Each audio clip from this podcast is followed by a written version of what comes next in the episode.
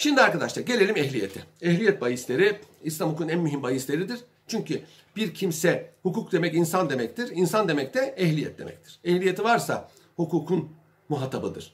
Ve ehliyetinin derecelerine göre de, tasnifine göre de o kişinin hukuk karşısındaki pozisyonu tespit edilir veya değişir. Arkadaşlar ehliyet, ehil olmak bugün de kullanıyoruz. Daha ziyade otomobil sürebilmek için verilen vesika için kullanılıyor ama ehliyet hukuken e, bir takım e, hak ve borçlara, lehine ve aleyhine muamelelere efendim e, o kişinin zimmetinde yani mamelekinde e, doğması demektir. Bunu sadece maddi olarak düşünmeyin. Mesela bir kimsenin nesep hakkı, bir kimseye yapılan hakaret, bir kimsenin kısas hakkı, telif hakkı, telefon hakkı gibi mücerret olan haklar da onun e, ehliyetinin mevzu olan zimmetinin mevzuudur. Yani lehine veya aleyhine hak ve borçlara ehil olmaya e, e, salahiyatlar olmaya ehliyet adı veriyoruz. Şimdi ya vücub ehliyeti vardır e, ve eda ehliyeti var. İki tane ehliyet var. Geçen seneki medeni hukuk derslerinden hatırlayın. Türk medeni hukukunda da bir hak ehliyeti var, bir fiil ehliyeti var. Ona benziyor. Vücub ehliyeti bir kimsenin lehine ve aleyhine bazı haklara, meşru haklara e, sabit olabilmesi için lazım gelen ehliyet. Yani vücub ehliyeti olan kimse bazı haklara ve tabi bazı borçlara efendim lehtar oluyor.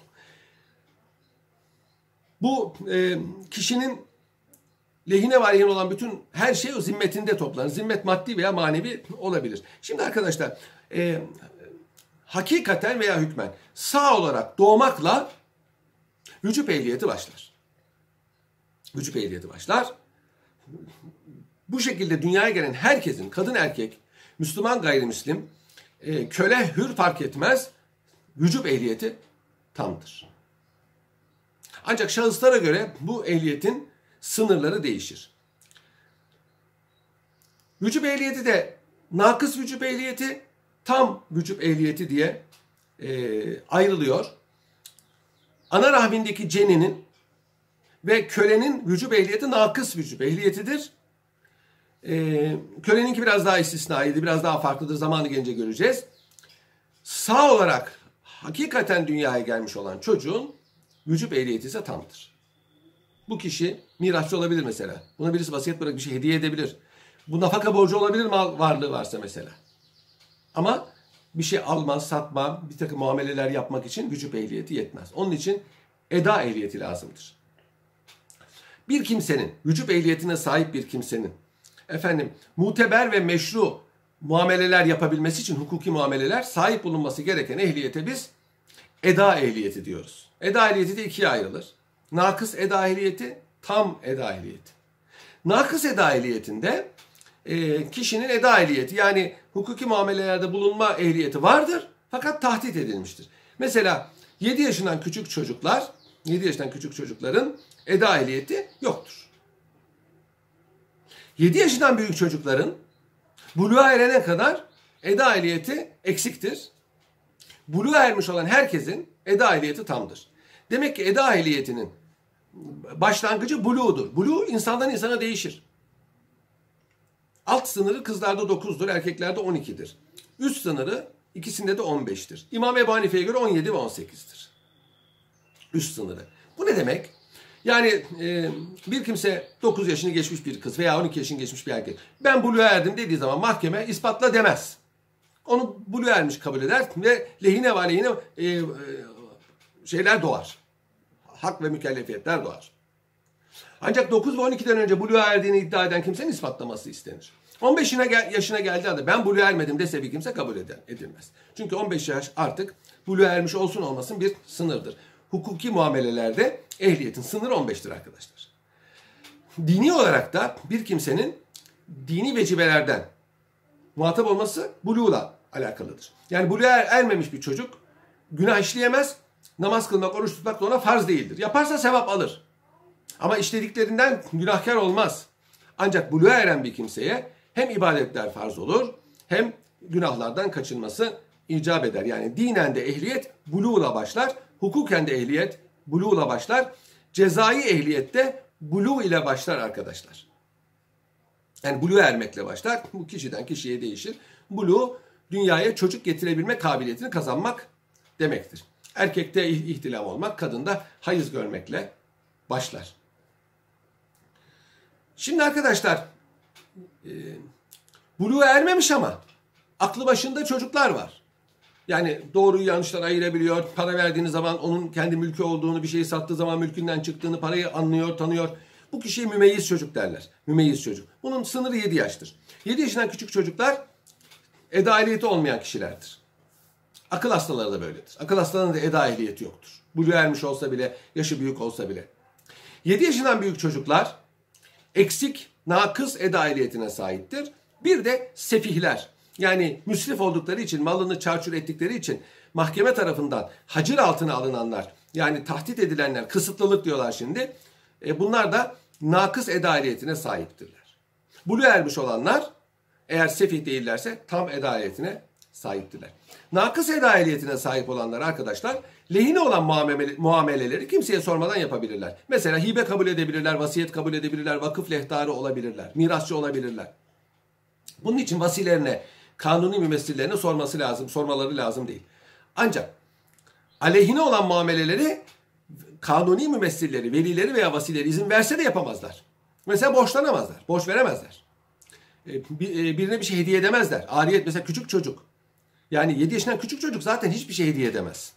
Kendi e, mesela gofretini arkadaşına hediye ettiremezsiniz. Oyuncağını başkasına hediye ettiremezsiniz. 7 yaşından küçük çocuk bir şey hediye edemez. Sizin izninizle edemez. Ya ne yapacaksınız? Satın alacaksınız onu. Siz hediye edeceksiniz. Ya hadi sen ver, alıp hadi sen ver diyeceksiniz. Yani hediyeyi alıştırmak istiyorsunuz ama kendi malıysa bunu hediye edemez. 7 yaşından büyük çocuk da böyledir. 7 yaşından büyük çocuk kendi malını başkasına hediye edemez. Anne baba satın alıp ancak ondan sonra başkasına hediye edebilir. 7 yaşından büyük çocuklar lehine ve aleyhine muameleleri, alım satım gibi, kira gibi velinin izniyle, vasinin izniyle, kanuni mümessinin izniyle yapabilirler. Bunda şartları vardır. Mesela çok ucuza satamazlar. Ya çok ucuza kiraya veremezler. Ya çok pahalıya kiraya tutamazlar. Ya çok pahalıya satın alamazlar. Yani onun belli sınırları vardır. Çocuk aldanmasın diye. Sefiler de böyledir. Bunlara nakıs eda ehliyeti sahipleri diyoruz. Ama küçük çocuk mesela vekil, ak, akıllı çocuk vekil olabilir. E, vekil yapabilir. Yani ama e, muameleleri mahduttur. Şimdi demek iki çeşit e, ehliyet var. E, vücub ehliyeti, eda ehliyeti. Bunların her birinin iki çeşidi var. Nakıs eda ehliyeti, nakıs vücub ehliyetine sahip olanlar cenin ve köle, tam vücub ehliyetine sahip olanlar hakikaten doğan herkes. Na, nakıs eda ehliyetine sahip olanlar 7 yaşından büyük çocuklar, e, tam eda ehliyetine sahip olanlar, bulu ermiş olan herkes. 7 yaşından küçük çocukların eda ehliyeti yok ama vücub ehliyeti var.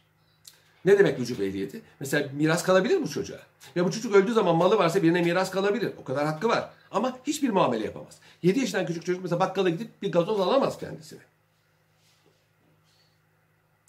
E, çünkü böyle bir muamele yapamaz. Kendi parasını harcayamaz. Velisi izin verse de bu böyledir. Ancak velisinin namına bazı şeyleri alıp satmasına izin verilmiştir. O çocuk o takdirde e, pencereden sarkıtılmış e, sepet gibi olur diyor kitaplar. Eline yazarsınız çocuğun bakkala yollarsınız. Bu çocuğa işte pirinç ver, un ver neyse çocuk alır getirir. Bu caizdir ama e, kendisi için bir şey alması caiz değil. Onun için dükkanlar çocuklara gazoz gibi, gofret gibi, çikolata gibi şeyleri satamazlar. Çünkü çocuk kendi malından onu alıyordur. Velisinin izni var mı yok mu belli değil. Ama velisi izin verirse yanındadır. Tamam der. Veya önceden haber verir. Bu çocuk alışveriş yaptığı zaman buna ver der. Veya sonradan izin verir. O zaman caiz olur. Çocuk tek başına kendi işine yarayan bir şey ama bakkala gitti çocuk pirinç istedi, ekmek istedi. Bunu satmak caizdir. Hiçbir çocuk kendisi için pirinç almaz. Belli ki onu annesi, babası göndermiştir. Karine yoluyla buna hüküm verilir. Arkadaşlar bir de insan hayatının safhalarından bahsedelim. Bu meselenin daha iyi anlaşılmasına yardımcı olacaktır. Şimdi insan hayatı önce cenin devresidir. Cenin, cenne e, örtülü demektir. Cennet, cinnet, efendim cin hep aynı kökten geliyor. Cenin gözden örtülü olduğu için. Cenin devresi. Ana rahmindeki çocuk sağ olarak doğmak şartıyla dört tane hakka sahiptir. Bunu daha önce söyledim. Nesebi sabit olur. Bu ne demek? Mesela çocuk ana rahmindeyken babası öldüğü zaman o babanın çocuğu sayılır. Diyorum senin baban öldü, senin baban yok. Hayır. O e, nesep ona bağlanır. O sırada birisi öldü. Bu çocuğun onun mirasçı olur. Ana rahmindeki çocuk. Mesela amcası öldü. Çocuğu yok. Bu çocuk ona miras. Sen o zaman hamileydin de, e, daha doğmamıştın denmez. Vasiyet etti birisi. Dedi ki kız kardeşimin karnındaki çocuğa vasiyet ediyorum dedi öldü. bu vasiyet yerine getirilir eğer varisi değilse. Dördüncüsü e, e, vakıf lehtarı olur. Birisi vakıf kurduysa o çocuk da o vakfa dahilse vakıf lehtarı olur. Tam ehliyetin yaşı yok arkadaşlar. Dediğim ya bulu. Buluğa eren kişi tam ehliyetine kavuşmuş olur. Bulu da insandan insana değişir. Herkesin e, fiziki olgunluğu birbirinden farklıdır. Ama üst sınırı 15'tir. Artık 15 yaşına gelmiş olan buluğa ermemiş bile olsa e, tam ehliyete kavuşmuş sayılır. İkinci devre çocukluk devresi. Sağ olarak doğmuş olan çocuk buluğa erene kadar çocuk sayılır. Çocuk sayılır. Bu devre ikiye ayrılıyor biliyorsunuz. 7 yaşından önce, 7 yaşından sonra. 7 yaşından önceki devre çocukluk devresi, sinni tufulet. Hiçbir e, eda ehliyeti yok.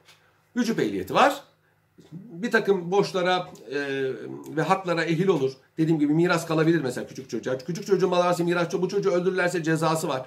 Bu çocuk birini öldürürse veya birinin camını kırar malını telef ederse malı varsa öder. Malı yoksa büyüdüğü zaman öder. Ama bu çocuğa dini ve hukuki ve cezai bir şey tereddüt etmez. Çünkü çocuğun şeyi yok. Yani ehliyeti yok.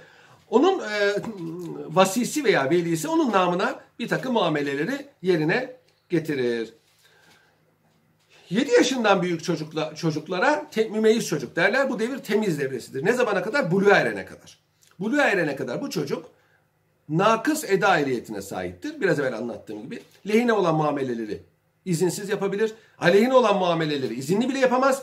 Hem lehine hem aleyhine olan muameleleri velisinin, vasisinin, kanuni mümessilinin izniyle yapabilir. Bu 7 yaş için. 7 yaşından büyük çocuk ceza ehliyeti yoktur. Ancak tazir cezası verilebilir. E, ve ibadetlerle mükellef değildir. Haramlarla da muhatap değildir. Bir de Blue devresi var. Blue devresi e, de biraz evvel anlattığım gibi fiziki olarak e, çocuk dünyaya getirebilme kabiliyetinin kazanıldığı devirdir. Alt sınırı kızlarda 9, erkeklerde 12. Üst sınırı her ikisinde 15. İmam Ebu Hanife'ye göre 17, 18. Kızlarda 17, erkeklerde 18. Umumiyet 15 esas alınmıştır. Hukuki muamelelerde, cezai ve e, ibadetlerde. Ancak sonradan Osmanlılar'da e, bu e, evlenme yaşında veya bazı yaşta 17-18 İmam-ı Azam'ın kavlinin alındığı görülüyor. Bunda sebebi maslahattır. Çünkü bazı işler karmaşıklaştığı için e, bunun sınırını biraz yüksek tutmak temayülü göstermiş. Bazen kanun koyucu. Bilhassa e, hukuki muamelelerde. Şimdi arkadaşlar bir kimsenin tam eda ehliyetine sahip olması için bir akıl lazım. Yani akıl hastası olmayacak. O da 7 yaşından itibaren kazanılıyor. İkincisi buluğa ermiş olacak. Üçüncüsü rüşt, reşit olacak arkadaşlar. Rüşt nedir? Rüşt mallarını sağlıklı, akıllıca kullanabilme kabiliyeti demek. Bir kimse akıllı olur. Yani akıl hastası olmaz. Buluğa erer ama mallarını çarçur eder. Bir lokantaya gider, 500 liralık yemek yer, 500 lira mira, bahşiş verir. Ona borç verir, geri almaz, ona hediye eder. Bu sefer kendisi muhtaç duruma düşer. Ailesine ve cemiyete yük olur.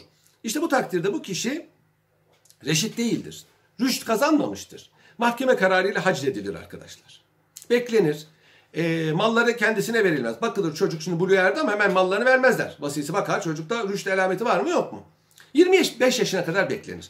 25 yaşına gelindiği zaman İmam Ebu Hanife'ye göre bu her hususta e, rüştünü kazanır. Artık bakın ne yaparsan yap derler. İmam Ebu Hanife bu hususta ferdiyetçi düşünüyor.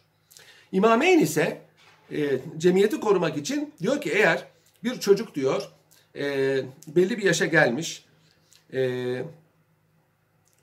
ama mallarını kullanmakta e, şey problemli mahkeme kararıyla hacredilirse diyor bunun diyor ebediyen devam eder. İmam Muhammed'e göre mahkeme kararına ihtiyaç yok. Bir kimse eğer efendim e, e, mallarını çarçur ediyorsa, bulu ermiş olsa bile bu o olgunluğu kazanana kadar e, hacir altındadır. Yani e, çocuk gibidir. 7 yaşından büyük çocuk gibidir. Buna biz sefih diyoruz. Sefih günümüzde böyle ahlaksızca hayat sürenlere deniyor ama İslam hukukunda sefih müsrif, malını çarçur edenlere verilen isimdir. E, bu iltibasa e, düşmemek lazım. Arkadaşlar e, Mecelle e, İmameyn'in kavlini esas almıştır. E, mahkeme kararıyla hac edilebileceğine hüküm veriyor. E, İmam-ı Azam'a göre bu mümkün değil ama İmameyn'e göre mümkün. İnsanları ve cemiyeti korumak için Mecelle bunu almış. Bir de şöyle bir durum var. Osmanlılar'da e, bir nizamname neşredilmiş Sultan Abdülaziz zamanında. Orada rüşt yaşı 20'ye getirilmişti. Yani 20 yaşından önce rüşt talepleri dinlenmiyor. Mecelle bunu kaldırdı. Arkasından yine Sultan Abdülhamit devrinde getirilen bir envali eytam nizamnamesiyle efendim 21 20 e, yaş e, yine bir rüştün üst sınırı kabul edildi. 20 yaşına kadar yani çocuklara malları verilmeyecek. 20 yaşından sonra verilecek. Bu istisnai bir hükümdür. Mümkün mü? E, fıkıh diyor ki 15 yaşına gelmiş, buluğa ermiş olan bir kimse artık mallarına ehildir. Evet, maslahat sebebiyle e, hükümet böyle bir şey yapabilir. Çünkü e, ticari münasebetler, alışveriş münasebetleri çok o, giriftir. Eğer siz 15 yaşın 16 yaşın çocuğu malını verirseniz kendi de cemiyeti de aileyi de mahvedebilir. Onun için 20 yaş belli bir olgunluktur. Her sıfırlı yaş arkadaşlar insana bir olgunluk kazandırır. 10 yaş, 20 yaş, 30 yaş, 40 yaş, 50 yaş, 60 yaş, 70 yaş. Hatta derler ki 10 yaşına kadar oynayamayan oynayamaz. 20 yaşına kadar okuyamayan okuyamaz. 30 yaşına kadar evlenemeyen evlenemez. 40 yaşına kadar zengin olamayan olamaz. 50 yaşına kadar eremeyen eremez. Yani evliya olamayan olamaz demişler. Yani böyle bir e, söz var ama mutlak değil elbette ama sıfırlı yaşlar mühimdir. 20 yaşta insanların belli bir olgunluk kazandığı yaştır. Eskiden oy verme yaşı 20 idi. 20 idi. 21 yaşına gelince e, oy kullanılabiliyordu. Sonra bu 18'e indirilmiştir. Ehliyet arızalarından bahsedeceğim. Arıza kelimesini biliyorsunuz ama daha ziyade elektronik cihazların bozulması için kullanılıyor. Arıza Arapçada sonradan ortaya çıkan hal demektir. Ehliyet arızaları yani normal bir kişinin ehliyeti olması gerekirken öyle bir hal ortaya çıkıyor ki o kişinin ehliyetini tamamen veya kısmen ortadan kaldırıyor. Bunların bir kısmı semavi arızalardır. Yani ara avarızı semaviye. O kişinin elinde olmadan dışarıdan bir sebeple hasıl olur veya avarızı müktesebe. Müktesep arızalardır. Kendi fiiliyle buna e, sebebiyet vermiştir. E, avarızı semaviyenin yani e, e, semavi arızaların başında cunun geliyor. Akıl hastalığı. Cunun akıl hastalığı. Akıl hastasına mecnun derler. Akıl hastalığı iki çeşittir arkadaşlar. Cununu mutbık, cununu gayrı mutbık. Yani devamlı akıl hastalığı muhakkat geçici akıl hastalığı olarak tarif edebiliriz. Devamlı akıl hastalığı işte şizofreni gibi, paranoya gibi, manik, e, mani depresif gibi hastalıklardır. İyi halleri olsa bile bu aslında devamlı akıl hastası sayılır. Devamlı akıl hastası 7 yaşından küçük çocuk gibidir. Vücut ehliyeti tamdır, eda ehliyeti hiç yoktur. Yani mal varlığı olabilir, miras bırakır, mirasçı olur. Ee, onun e, bir kanuni mümessili vardır, velisi veya vasisi. Onun bütün işlerini o yürütür e, akıl hastalarının. Akıl hastaları ceza hukukundan da böyledir. Yani e, işledikleri suçlardan dolayı ceza almazlar. Sadece emniyet tedbirine tabi tutulabilirler. Nedir o? Bir kliniğe kapatılmak, bir akıl hastanesine kapatılmak veya tecrit edilmek. Yani başkalarına ve kendisine zarar vermemesi için tecrit edilmek. Bu bir ceza değildir arkadaşlar. Bu bir emniyet tedbiridir. Tıpkı binalara girişte e, elektronik kapıdan geçmek, üzerlerin aranması, efendim e, gibi e, hafif olabilir. Akıl hastalarının, insanlara e, büyü yapanların, sahte doktorların, e, müfti macin denilen millete uydurma fetva veren cahil din adamlarının tecrit edilmesi de bir emniyet tedbiridir. Efendim arkasına milleti katıp da ayaklanmasın diye henüz suç işlememiş olan şehzadelerin idam edilmesi de bu kategoridedir. Bunlar birer ceza değil, birer emniyet tedbiridir. Bunların ikisini birbirine karıştırmamalıdır arkadaşlar. Junon'un gayrimutluk ise sara gibi, efendim depresyon gibi zaman zaman arız olan hastalıklardır. Bu kişi cununu alametleri yani hastalık geldiği zaman işlediklerinden mesul değildir. Binaenaleyh yaptığı muamelelerden de mesul değildir. Hukuk ehliyeti yoktur. Ama iyileştiği zaman hukuk ehliyeti tam olarak vardır. Bunama yani atehi eski tabirle e, bir ehliyet arızasıdır. Şu farkla ki arkadaşlar matuh yani bunak kişi ceza hukuku cihetiyle tam akıl hastalığı sayılır. Yani küçük bir çocuk gibidir.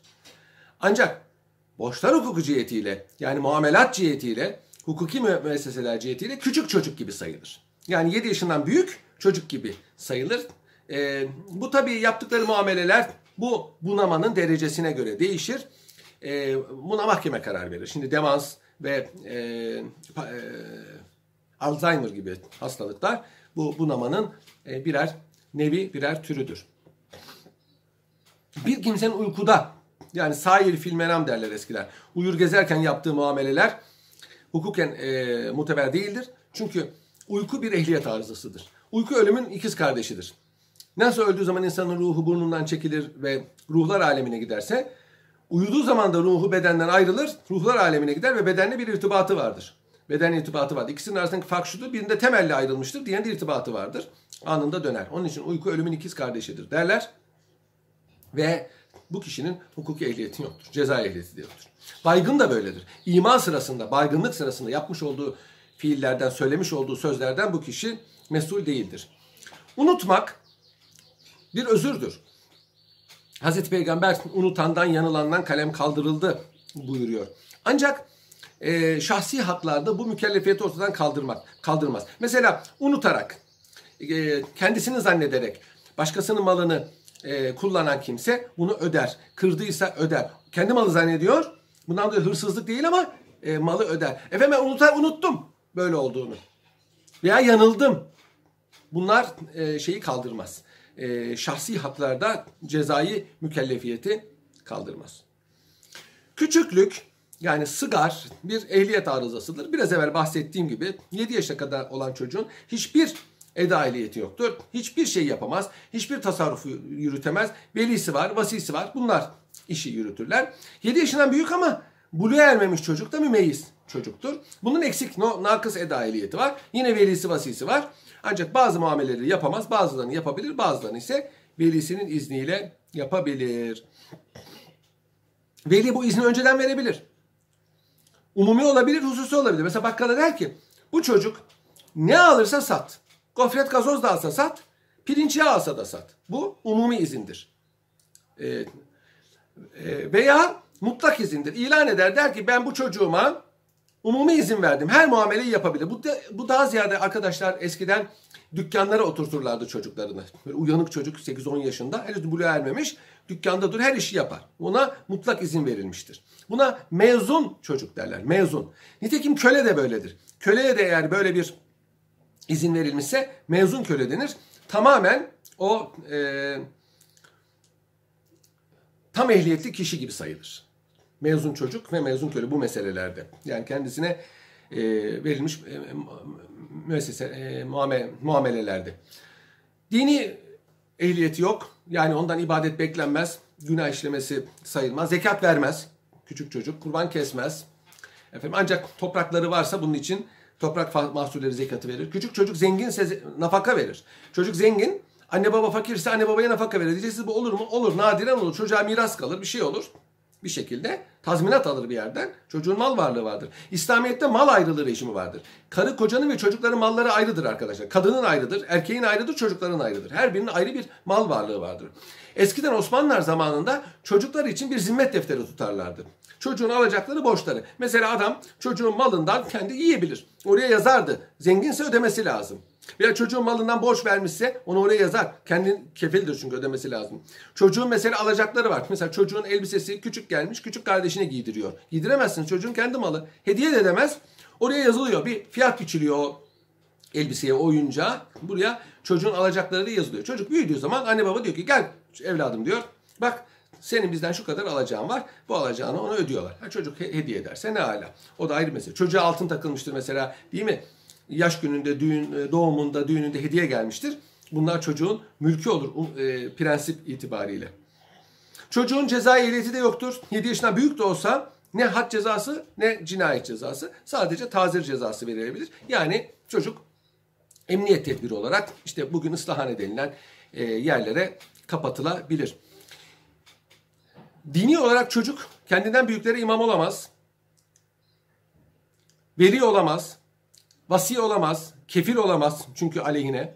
Hükümdar olabilir ancak vekil tayin etmesi mecburiyeti var. Kendisi hükümdarlık yapamaz. Vekili onun namına hükümdarlık yapar. Bu şey buluğa erene kadar. Dava açabilir velisi izin verdiği için. Yemin ederse kabul edilir. Şahitliği e, tazir suçlarında e, kabul edilir. 7 yaşından büyük çocuk birini vekil yapabilir, birine vekil olabilir. Efendim tam ehliyetli gibi olur.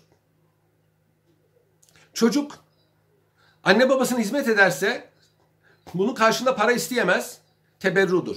Ancak çocuk başkasına hizmet ederse ücretli olarak bunun ücretini kendisi alır ve kendi mülkü olur. Anne baba çocuğu birine çalışmaya verirse o takdirde bu ücret çocuğun e, malı olur. Anne babanın malı olmaz. Anne baba fakirlerse bu paradan yiyebilirler nafaka olarak. Ama anne baba fakir değillerse çocuğun kazancı çocuğun malı olur. Kölelik bir ehliyet arızasıdır. Zamanı gelince bundan bahsedeceğiz. Onun için şimdi uzun bahsetmek istemiyorum. Yani köle e, eda ehliyetine sahip değildir. Çünkü zaten mal varlığı yoktur. Mal varlığı olmayan birinin zaten eda ehliyeti olmaz. Ancak kölenin vücub ehliyeti de e, eksiktir. Çünkü mesela köle nafaka ödemek mecburiyetinde değil. Köleye birisi bir şey hediye etse onun malı olmaz. Kölenin bir mükellefiyeti yok. Ancak ceza hukuku cihetiyle köle normal bir insan gibidir. Suç işleyebilir, ona karşı suç işlenebilir. Köle evlenebilir. Velisinin izniyle boşanabilir izinsiz olarak. Kölenin nesep hakkı vardır. Çocuğu oldu mu onun çocuğu sayılır. Köle e, dinen mükelleftir ibadetlerinden dolayı. Ama e, bazı emir ve yasaklardan mesela köleye cuma namazı farz değildir. Kurban zekat zaten farz değildir. Hacca gitmek farz değildir. Efendim köle nafaka vermez. Çünkü parası yoktur. Köle kadınlar örtülmekle mükellef değildirler. Yani köle kadınlar başını örtmek, kollarını örtmekle mükellef değildirler. Yani kolu, başı açık köle kadın namaz kılabilir. Ee, bir takım e, kölelere tanınmış bazı e, bulundukları statü sebebiyle imtiyazlar vardır. Yani bir takım ruhsatlar e, vardır kölelere tanınmış. Köle eğer bulu ermişse efendisi buna izin ver, verdiği zaman tam ehliyetli hale gelir. Ya sen kölesin no bir dakika denmez. Çünkü e, köle olmak arızi bir sıfattır. Hürriyet esastır. Binaenaleyh efendi ona izin verince o tam ehliyetli hale gelir. Bakın azatlanmış demedim. Gene köle olmaya devam eder ama tam ehliyetli hale gelir. Köle imam olamaz. Efendim hutbe okuyamaz. E, hükümdar olamaz. Hakim olamaz. Şahit olamaz. Belli davalarda yani her mesela tazir davalarında olabilir ama çünkü onlarda vicdani delil var ama hat ve cinayete şahit olamaz. Veli olamaz. E, varis olamaz, miras bırakamaz, şey mirasçı olamaz. Ancak mesela vasi olabilir. Bir adam öldüğü zaman çocuklarına kölesini vasi yapabilir. Var bunun misalleri. Yani kölesini vekil yapabilir, köle vekil olabilir. Efendim e, ora, e, vasi olabilir ama veli olamaz. Veli olamaz. İkrah bir e, ehliyet arızasıdır. Ne demek ikrah? Birini öldürmek, uzvunu kesmek, dövmek, malına el koymak, hapsetmek, dayak atmak, e, yakınlarını, sevdiklerine eziyet etmek gibi tehditlerle bir şeyi yapmaya zorlamak demektir. Buna ikrah denir. İkrah edilene mükri, ikrah edilene mükreh denir arkadaşlar. İkrah edilenin rızası da, ihtiyarı da yoktur. Yani yaptığı şeyde ne istiyordur ne e, arzu ediyordur. İkrah ikiye ayrılır. Mülci, ikrah mülci olmayan ikrah. Mülci ikrah zorlayıcı ikrahtır. Öldürmek, uzvunu kesmek gibi. Onun dışındakiler işte döveriz, malını alırız. Mülci olmayan ikrahtır. Mülci olmayan ikrah şahsa göre değiştiği için ikisi beraber mütalaa ediliyor. Önce mülci olan ikrahtan bahsedelim. Mülci olan ikrah kişinin iradesini ve rızasını yok eder. Öbürü sadece rızasını yok eder. Bunun yapmış olduğu bütün muameleler fasit, geçersizdir. Alım, satım, kira, bağış hepsi geçersizdir. Mükrihin. Mükrehin. Ee, mülci olmayan, zorlayıcı olmayan ikrahla zorlayanın böyle değildir arkadaşlar. Böyle değildir. Ama dediğim gibi o da şahstan şahsa değişir. Yani herkesin e, ikrahtan tesiri farklı olabilir. Onun için bunu mahkeme takdir eder. Şimdi arkadaşlar bir kere ikrahın hakiki olması lazım. Yani laf. İkincisi e, akılcı olması lazım. Küçük bir çocuk seni döverim dediği zaman ona inanılmaz ama dövebilecek birisi, öldürebilecek birisi yapmışsa inanılır. Başka türlü e, kurtulma imkanı başka türlü in, e, kurtulma imkanı yoksa mükreh e, ikrahtan söz edilir. Bir de ikrahın e, ikrahın e, zorlayıcı bir şey olması lazım. Yani ben küserim sana konuşmam. Böyle ikrah olmaz. Dövecek, öldürecek, yaralayacak, malını alacak. işte ailesine, kızına, oğluna kötülük yapacak gibidir. Ve bu, bu işin yapılmaması gereken bir şey olması lazımdır. Yani yasak edilmiş bir şey olması lazımdır. Bu takdirde o kişinin ehliyeti ortadan kalkar. İkrah bir ehliyet arızasıdır. Şimdi ikrahla birisi birini döverse, söverse, öldürürse, malını çalarsa, zina ederse bundan dolayı ceza almaz. Başka ceza alabilir. Tazir cezası alabilir mesela. Ama bundan dolayı ceza almaz. Ceza onu zorlayana verilir.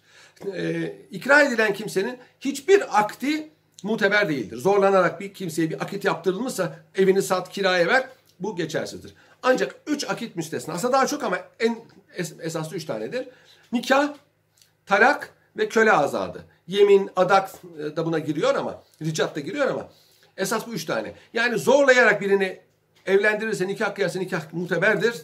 Zorlayarak karını boş, mesela tehdit etti, hanımını boşa, boşadım dedi. Bu talak muteberdir. Köleyi azat et, etti. Neden? Çünkü Hazreti Peygamber buyurdu ki üç şeyin şakası da ciddidir.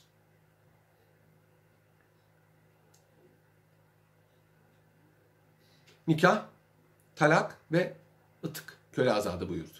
İkrah da buna kıyas ediliyor Hanefi mezhebinde. Diğer mezheplerde ikrahla yapılan boşanma, efendim e, evlenme ve ıtık muteber değildir. Ama Hanefi mezhebinde muteberdir. Bir de Maraz-ı Mevt adında bir e, ehliyet arızası var arkadaşlar. Enteresan bir ehliyet arızasıdır. Çünkü Hanefi mesela şey e, İslam hukukundan başka bir hukuk sisteminde benzerine rastlanmıyor. Öyle bir kimse düşünün ki günlük ihtiyaçlarını karşılayacak kadar dışarı çıkamıyor. Kendisinde ölüm korkusu var. Bir pozisyona düşmüş. Bir e, hastalık gibi, kaza gibi bir halde ve bir sene içinde vefat etmiş. Bu kişi ölüm hastası kabul ediliyor. Mesela kanser hastası en tipik e, misal.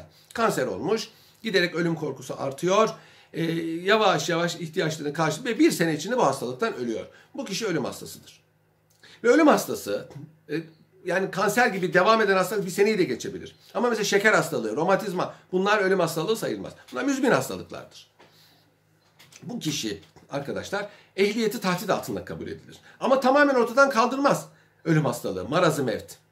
Bu kişinin bütün tasarrufları vasiyet hükmündedir. Ne demek vasiyet hükmünde? İslam hukukunda bir kimse öldükten sonra mallarının üçte birinde vasiyette bulunabilir. Borçlarından arta kalan üçte, üçte birinde. Bir adamın diyelim ki 100 lirası var. Ya 150 lirası var. Efendim 70 lirada borcu var. 70 lira borçları ödendi. Kaldı 90 lira. Bu kişi bu 90 liranın sadece 30 lirasını vasiyet yapabilir. Geri kalanları vasiyet yapamaz. İki, yaparsa ne olur? Diyelim ki 50 liralık vasiyet yaptı. Tenkis edilir, indirilir. 30'a kadar indirilir. Varisler izin vermezse. Ama varisler derse ki ya babamızın annemizin arzusuydu. Madem 50 liralık yaptı tamam derlerse mesele yok. Ama demezlerse indirilir 30 liraya. Çünkü 30 liradır onun hakkı. İkinci husus vasiyette varise vasiyet olmaz. Bir kimse karısına, oğluna, kızına, babasına, annesine vasiyette bulunamaz. Onlar zaten mirasçıdır.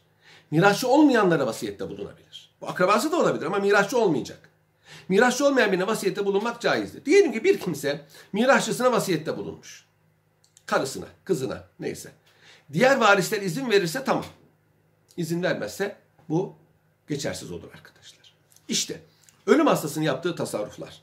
Eğer karşılıksız tasarruflarsa yani bağışlama gibi, efendim karz gibi, ariyet gibi, kefil olmak gibi karşılıksız tasarruflarsa bu mal varlığının borçlardan arta kalan kısmının üçte birinden çıkması lazım. Ki geçerli olabilsin. Çünkü bu vasiyet gibi kabul ediliyor. Vasiyet gibi kabul ediliyor. Bazı arkadaşlarımız sual sor, soruyor fakat ben burada göremiyorum. Neyse. Ee, karşılıklı kazandırmaları alışveriş, kira muteber. Bunda bir problem yok. Normal bir insan gibi. Ancak onlarda da e, rayicin altında olmaması lazım veya üstünde olmaması lazım. Bir misal vereyim. Mesela evini 100 liralık evini 50 liraya satarsa piyasada 100 lira eden evini bu 50 lira bir hibe, bir bağışlama hükmündedir. O da üçte bire girer. Yani 50 lira tamam ama o 50 lira üçte. Adam derse ki Aa, yok ben almıyorum o zaman iptal edilir. Ev tekrar şeye döner. Mesela kira ile evini kiraya verdi. 1000 liralık evi 500 liraya kira verdiyse bu 500 lira kiracıya hediye sayılır ve üçte bire e, girmesi lazım. Mal varın üçte birinden hesaplanır. Üçte birini aşıyorsa varisler kusura bakma diyebilirler. Ondan fazlasını harcayamaz bu kişi. Çünkü ölüm hastası arkadaşlar ölüm korkusu içindedir. Mirasçılarını ve borçlularını mahrum etme psikolojisine girebilir. Bu müessese İslam hukukunun insan psikolojisini nazara aldığını gösteren enteresan bir misaldir. Bu cihette arkadaşlar marazı mevt, e, ölüm hastalığının ehliyet arızası olduğunda icma vardır. Eshab-ı kiram arasında icma vardır. Sadece hastalık değil arkadaşlar. Mesela idam sehpasını çıkarılan mahkum ölüm hastası sayılır. 6 aydan sonraki hamile kadın ölüm hastası sayılır. Yangında, zelzelede kalan bir kimse, sari hastalığın bulunduğu bir şehirde mahsur kalan kimse ölüm hastası sayılır. Gemi şiddetli dalgalar içinde batmak üzere ölüm hastası sayılır. Savaş meydanında muharebe anında olan bir asker ölüm hastası sayılır. Bu kişinin yapmış oldukları e, tenkise tabi tutulur. Ölüm hastası e, hanımından boşanabilir veya evlenebilir. Bunda bir ma- mani yok. Çünkü bu medeni bir e, haktır. Ancak bunun borçlar hukukuyla alakalı olan kısmı var. Eğer bir kimse karısını boşarsa ölüm hastasıyken karısı ona mirasçı olur. Çünkü karısını mirastan mahrum etmek için boşayabilir bir adam. Buna engel olmak için eğer karısını boşamışsa karısı iddet içinde adam ölürse kocasına mirasçı. Normalde olamaz. Bayin talaktan bahsediyor. Nicci talakta zaten evlilik devam ediyordur ama bayin ayrıcı talakta kadın normalde mirasçı olamaz. Evlilik hemen biter. İstisnai bir hüküm bu. Kocasına mirasçı olur. Ne zamana kadar? İddet içinde, 3 ay içinde kocası ölürse. Evlenebilir ancak karısına verdiği mehir karısının emsallerinin aldığı mehirden fazla olamaz. Diyelim ki evlendiği kadının emsalleri 100 lira, 100 altına evleniyorsa bu ona 1000 altın vermişse 900 altın ona hediye sayılır ve bu üçte birden çıkması aranır. Üçte birden çıkmıyorsa e, indirilir. Kadın bunu kabul etmezse evlilik geçersiz olur. Demek ki marazı mevtin böyle bir tesiri var.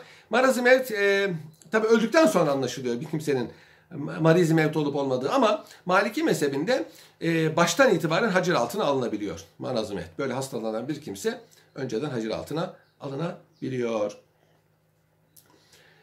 Arkadaşlar zannedilenin hilafına kadın olmak, e, mesela çocuk olmak ve köle olmak ehliyet arızasıdır. Fakat kadınlarda bir ehliyet arızası mevzu bahis değil.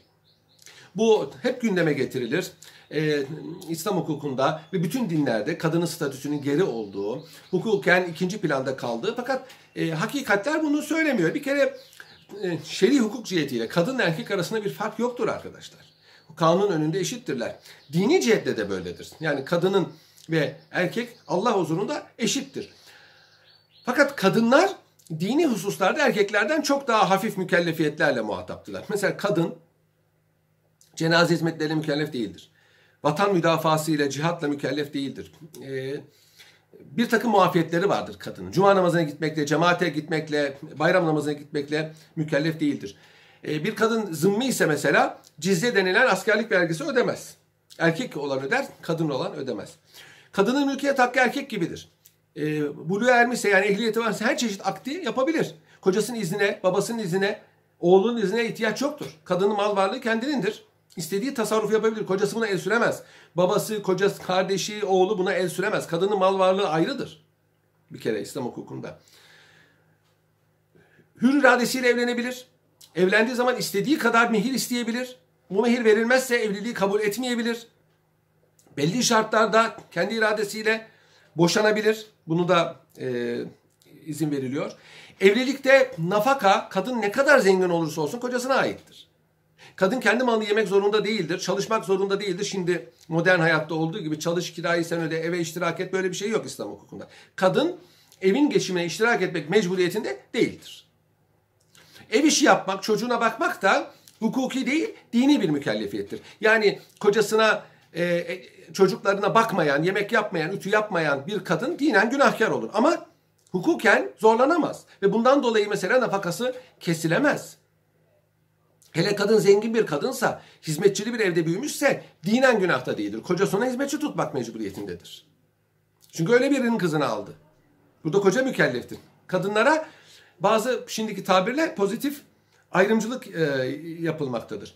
Kadın, kadın e, kocasına nafaka vermek şöyle dursun. Zengin de olsa kocasından nafaka alır. Anne babasına, çocuklarına nafaka verir kadın. Ama e, erkek akrabasından daha düşük nafaka verir. Mesela bir, bir iki erkek, bir erkek, bir kız kardeş var. Anne babaları da fakir. E, nafakanın üçte ikisini erkek çocuk verir. üçte birini kız verir anne babasına. Kızın parası yoksa zaten veremez. O da ayrı bir mesele. Mesela erkek mürtet olsa öldürülür. Kadın mürtet olduğu zaman öldürülmez. E, ceza hukukunda da e, belli hususlarda kadın erkekten daha az ceza alır. E, bu da kadının e, cemiyetteki içtimai e, pozisyonuyla alakalıdır. Mesela akileye iştirak etmez, kasameye iştirak etmez, diyet yüklenmez. Erkekler diyet öder, kadınlar diyet ödemez. Mesela bir kadın cinayet işlese erkek kardeşi onun diyetini öder. Ama bir erkek kardeş e, cinayet işlese kadın onun diyetini ödemez. Böyle bir mükellefiyeti yoktur. Kadın namazda erkeklere imamlık yapamaz. Ezan okuyamaz. Kadın hükümdar olamaz. Ee, babası varsa veya erkek akrabası varsa veli olamaz. Vasi olamaz. Şey vasi olabilir, veli olamaz. Çocuk terbiyesinde öncelik hakkı vardır kocaya göre. Yani karı koca ayrılmışsa öncelik annenin hakkıdır. Çocukları önce anneye verirler belli bir yaşa kadar. E, hat ve e, cinayet davalarında hakim olamaz, kadı olamaz. Bunun dışındaki davalarda kadı olabilir ise de pratikte bu mümkün değildir. Harem selamlık tatbikat sebebiyle kadın erkeklere karışamayacağı için e, bir kadının e, kısas ve hat e, suçları dışında da hakim olması mümkün değildir. Şahitliği e, hat ve cinayette kabul edilmez. Cinayette belli şartlarda kabul edilir. Yani kısasta değil de diğer kısas dışındaki suçlarda şahitliği kabul edilir. Tazirde kadının şahitliği gayet açık bir şekilde kabul edilir. E, muamelatta yani hukuki davalarda e, ya iki erkek şahit olması lazım ya bir erkek iki kadın şahit olması lazım. Bu kadının erkekten düşük olmasıyla alakalı bir şey değil. Yani bir erkek eşittir iki kadın böyle bir şey yok. Bu tamamen şahitliğin zor ve mükellefiyetli bir iş olması ve kadını mümkün mertebe şahitlikten uzak tutmak için getirilmiş bir hüküm. Çünkü e, şahsi haklarda şahit olmak mecburidir Kur'an ayetiyle. Bir kimse bir şeye şahit olduğunda şahitlik yapmak mecburiyeti var. Kadını e, mahkemeye gitmesin, şahit olmasın diye koruyor e, burada. Aynı şekilde mesela bir kadın şahit veya davacı olduğu zaman da mahkemeye çağrılmaz. Kadı ve veki, e, katip evine giderek kadının ifadesini alır. Mirasta mirasta kadın erkeğin yarısıdır diye bir kaide yok. Normal e, miras hukukunda hissesi neyse onu alır. Ancak erkek kardeşiyle beraberse erkek kardeşi iki, kız bir hisse alır. Ama mesela anne ve baba ikisi de altıda bir alırlar. Anne de altıda bir alır, baba da altıda bir alır. Yani mutlak bir kaide değildir. Neden? Çünkü sosyal münasebetlerde erkeğin yükü ağırdır.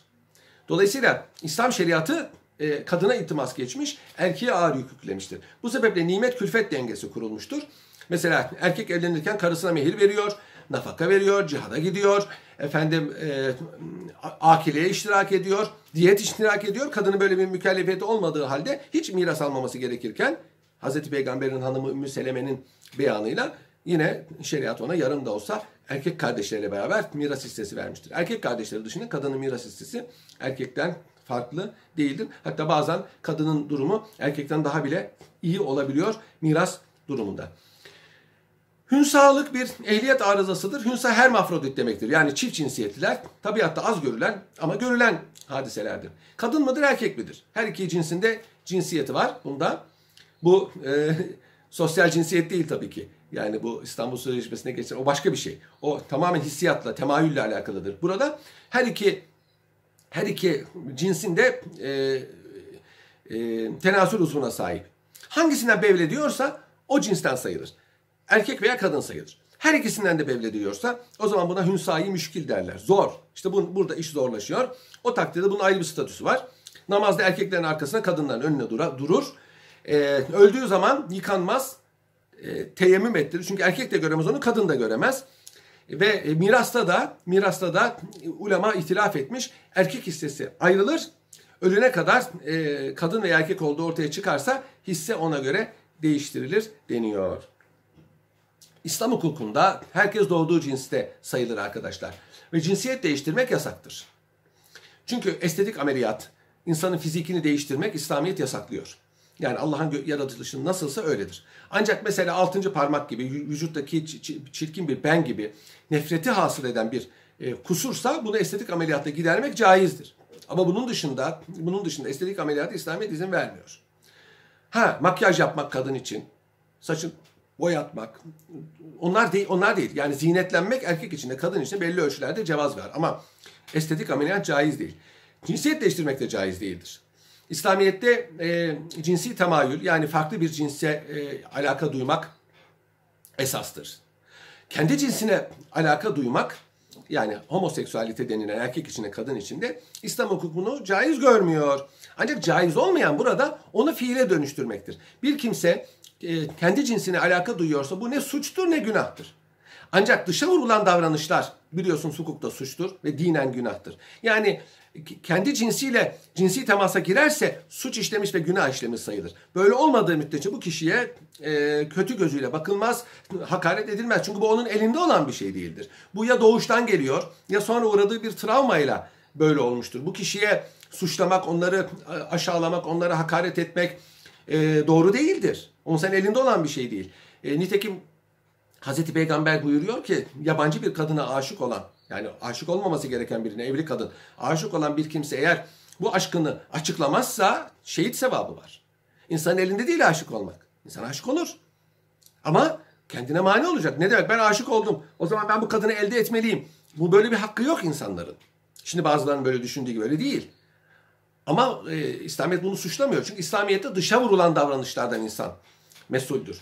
Kafasında bir adam zina etmeye karar verse bundan dolayı günahkar değildir veya suçlu değildir. Bir kimse hırsızlık yapmaya, adam öldürmeye e, karar verse bundan dolayı suçlu değildir. İnsanlar zihinden geç, geçenlerden mesul olmaz. Fiiliyata dökülmüşse böyledir. Cinsiyet değiştirme de böyledir. Bir kimse cinsiyetini değiştiremez. Nasıl yaratılmışsa öyledir. Peki değiştirse ne olur? O zaman yeni cinsiyetinde sayılır. Ya Bülent Ersoy bir kadındır arkadaşlar. Erkek değildir. Yaptığı iş günahtır ama o kişi e, bir kadındır. E, çift cinsiyetli ise çift cinsiyetli ise e, bu, bu organlarından birini aldırması gene dinen caizdir. Yani aktif olan organı bırakıp aktif olmayanı aldırması dinen haram değildir. Yani cinsiyet değiştirme ameliyatlarını iç, iç yüzünü bilmeden konuşmamak lazımdır. Eğer böyle bir şeyse buna e, İslamiyet cevaz veriyor. Buna cevaz veriyor. Şimdi bir de müktesep arızalar var arkadaşlar. Yani sonradan kazanılmış arızalar vardır. Bunların başında sekir, sarhoş, sarhoşluk geliyor. Bir kimsenin alkollü bir içki içerek aklını gitmesi, sarhoş olması onun ehliyetini ortadan kaldırır mı kaldırmaz mı? Bunu ikiye ayırarak tetkik etmemiz lazım. Ceza hakkında da bir nebze bahsetmiştim. Arkadaşlar bir kimse eğer kendi isteğiyle bilerek isteyerek sarhoş olmuşsa, içki içerek sarhoş olmuşsa bu kişi bütün fiillerinden mesuldür. Hukuken de cezai olarak da dini olarak da mesuliyeti tamdır.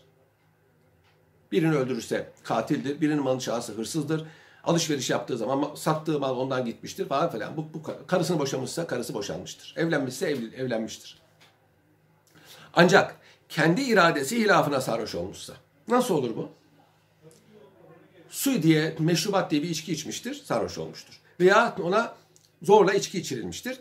Veya ilaç almıştır. İlaçlar da sarhoş eder. Bu takdirde bu kişinin ehliyeti yoktur. Ne yapsa, suç da işlese, e, bir muamele de yapsa e, muteber değildir. İşte e, e, irade olmayan sarhoşluk arkadaşlar ehliyet engelidir.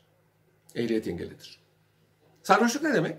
Sarhoşluk konuştuğunu karıştıran, erkeği kadını ayıramayan, yürürken sendeleyen bunun alametleri vardır. Sarhoşluğun alametleri vardır. Herkes aynı şekilde sarhoş olmaz. Yani iki 70'lik rakı içip sarhoş olmayan da olabilir. Bir ayı koklayıp sarhoş olan da olabilir. Bu kişiye göre, şahsa göre değişir arkadaşlar.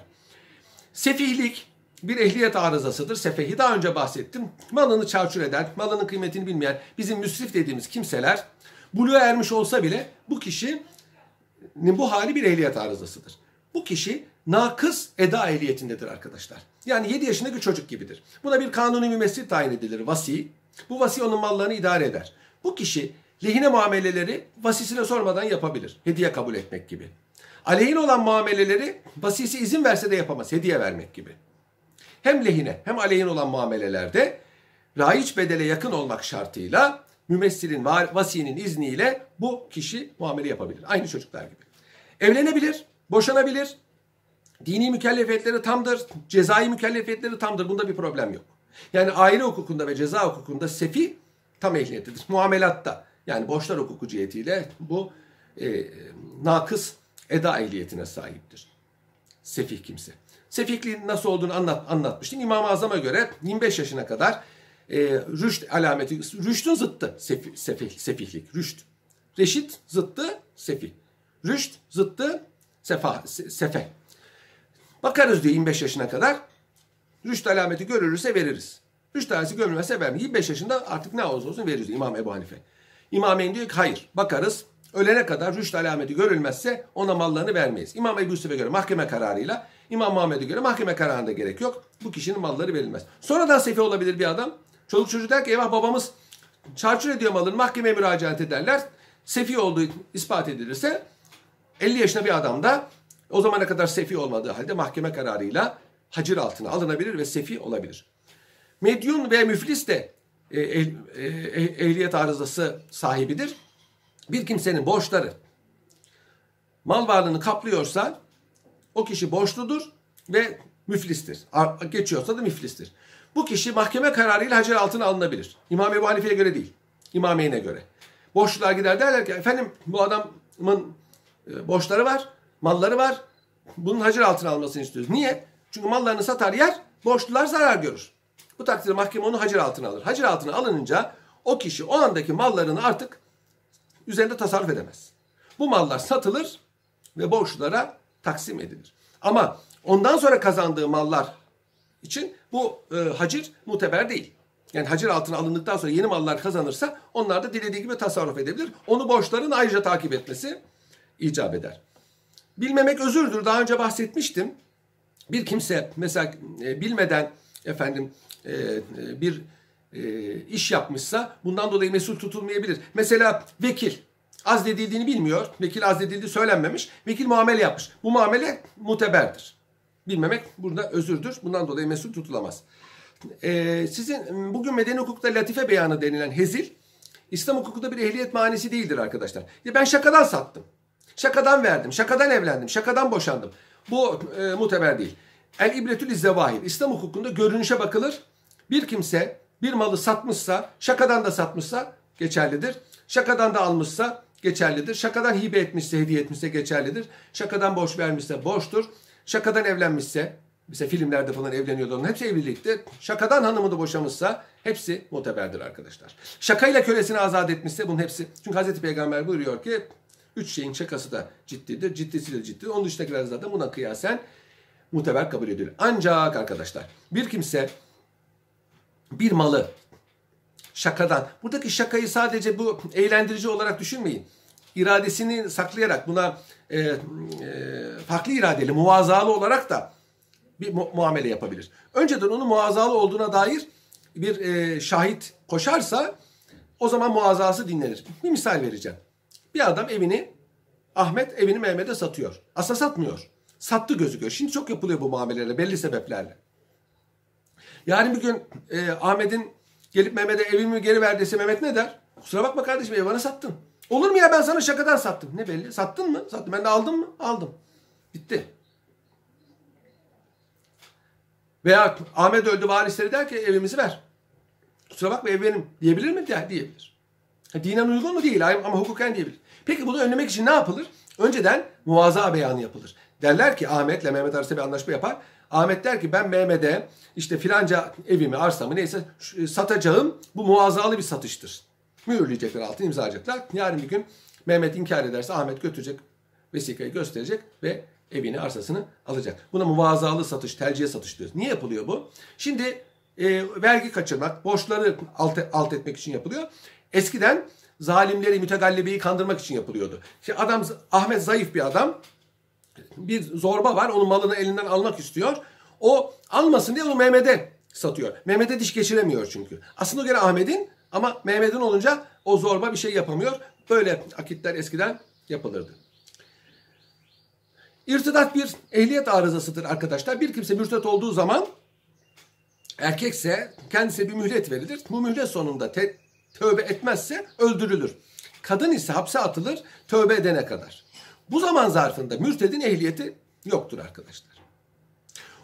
Mürted eğer öldürülürse ceza olarak e, veya kadın tövbe etmeden ölürse malları mirasçılarına gider.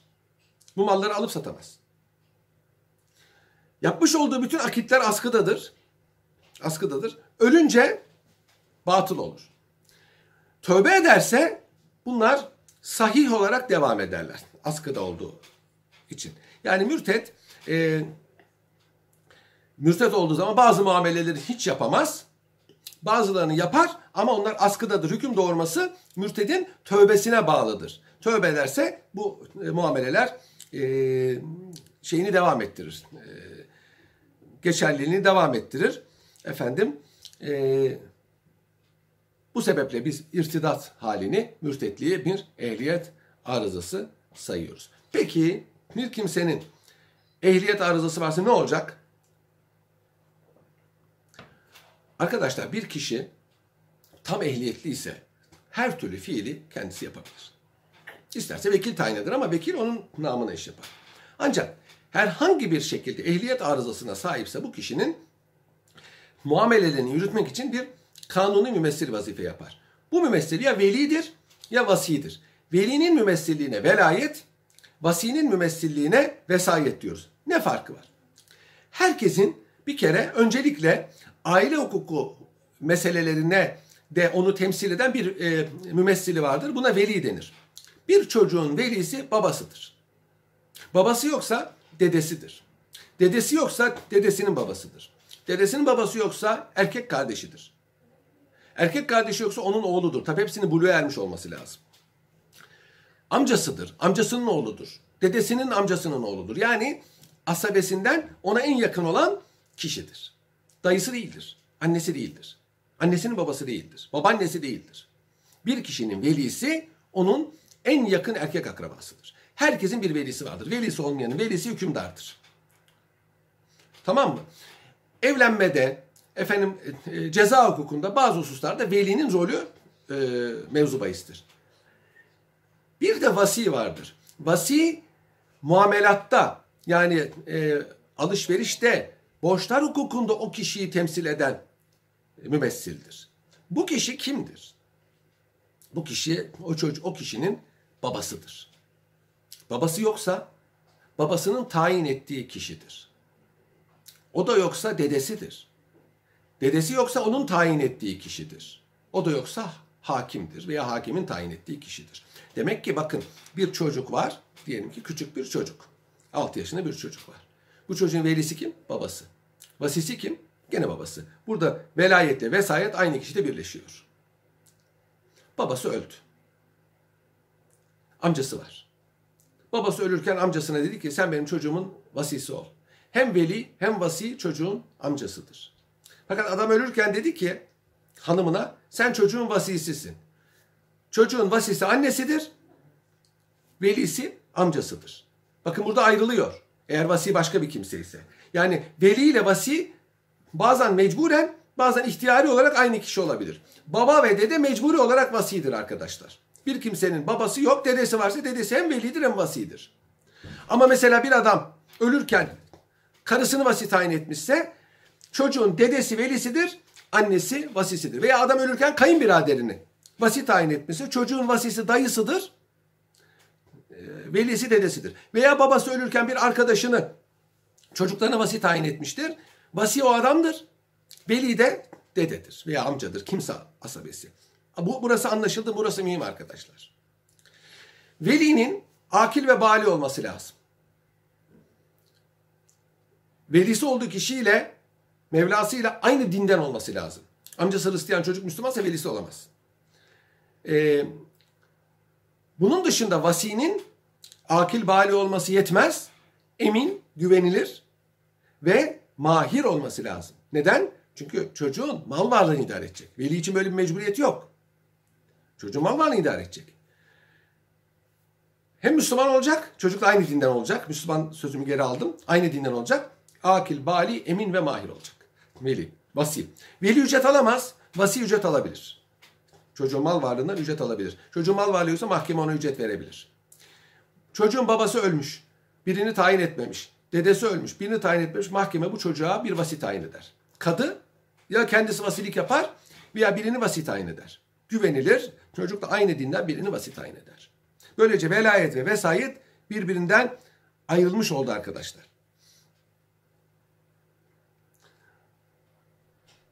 Bir kimse ölmeden önce arkadaşını vasi tayin edebilir. Bu bir akittir. Kabul ederse vasi olur ve kendini azledemez. e, mahkeme tarafından tayin edilmiş olan vasiyi kendine azledebilir. Mahkeme de onu azledebilir. Ancak babanın ve dedenin tayin ettiği vasiyi vasi kabul etmişse mahkeme azledemez. Ancak hıyaneti varsa yani çocuğa zarar veriyorsa e, bu işi yapamıyorsa, yürütemiyorsa, işte aklını kaçırdı, bunadı, e, sakat kaldı veya çocuğun mallarını mesela satıyor, ucuza satıyor, kiraya ucuza veriyor. O takdirde mahkeme bunu denetler, vasiyi vazifeden alır, e, verdiği zarar ona tazmin ettirir. Onun için Hazreti Ömer demiş ki bir kere vasi olmak ahmaklıktır, ikinci kere vasi olmak hıyanettir. Yani ancak hain olan ikinci defa vasi olur. Çünkü vesayet, vasi olmak mesuliyetli bir iştir. Bilmeyen adam hemen atılır vasi olur. Ancak ikinci defa bir adam vasi olmak istiyorsa demek ki o vasiyetin o ne kadar mesuliyetli bir şey olduğunu anlamadı. Başka maksadı var. Tabii ki bu egzajere bir söz. işin ehemmiyetini anlatmak için söylenmiş bir söz. Bir çocuğa vasi olmak çok kıymetlidir. Çok sevaplı bir iştir. Vekil olmak, kefil olmak, vasi olmak, şahit olmak bunlar aynı zamanda insana dinen sevap kazandıran işlerdir. Bazı hukuken vecibedir, bazı e, mesela vasi olmak e, farzı e, kifayedir. O çocuğa o beldedeki Müslümanlardan birisi vasi olmuşsa diğerleri kurtulur. Eğer hiç kimse vasi olmamışsa bütün o vasi olabilecek kişiler günahkar olur. Çünkü çocuğun işlerinin yürümesi lazımdır. Bu velayet ve vesayet meseleleri mühim arkadaşlar. E, bunu lütfen birbirine karıştırmayalım. Vasi değil, vasi onu da tekrar edeyim. Vasi Arapça geniş demektir. Vasi ise bir kimsenin e, muamelatta vekili mümessili manasına geliyor. Çocuk vasisi ve velisi vardır. Akıl hastasının vasisi ve velisi vardır. Sefihin e, velisi değil vasisi vardır. Çünkü o zaten büyük bir birisidir. Onun dışındakilere zaten vasi tayin edilmez. Yani ölüm hastasına, e, borçluya vasi tayin edilmez. Akıl hastası, efendim, e, akıl hastası çocuk, köle, bunların ve sefihin vasisi ve veli. Mesela kölenin velisi efendisidir. Hem vasisidir hem velisidir. Vasisi olmasına gerek yok çünkü kölenin mal varlığı yoktur. Ama küçük çocuğun hem velisi olur hem vasisi olur. Birbirinden farklı. Akıl hastasının hem velisi olur hem vasisi olur. Birbirinden farklıdır. Evet sormak istediğiniz bir şey var mı arkadaşlar? Bu ehliyet bahisleriyle alakalı. Anlaşıldı mı meseleler? Evet işte şahsiyeti bulunan ve ehliyeti haiz olan kimse hukukun süjesidir. İslam hukuku bu kişiye tatbik edilir. Peki o zaman arkadaşlar dersi bitiriyorum.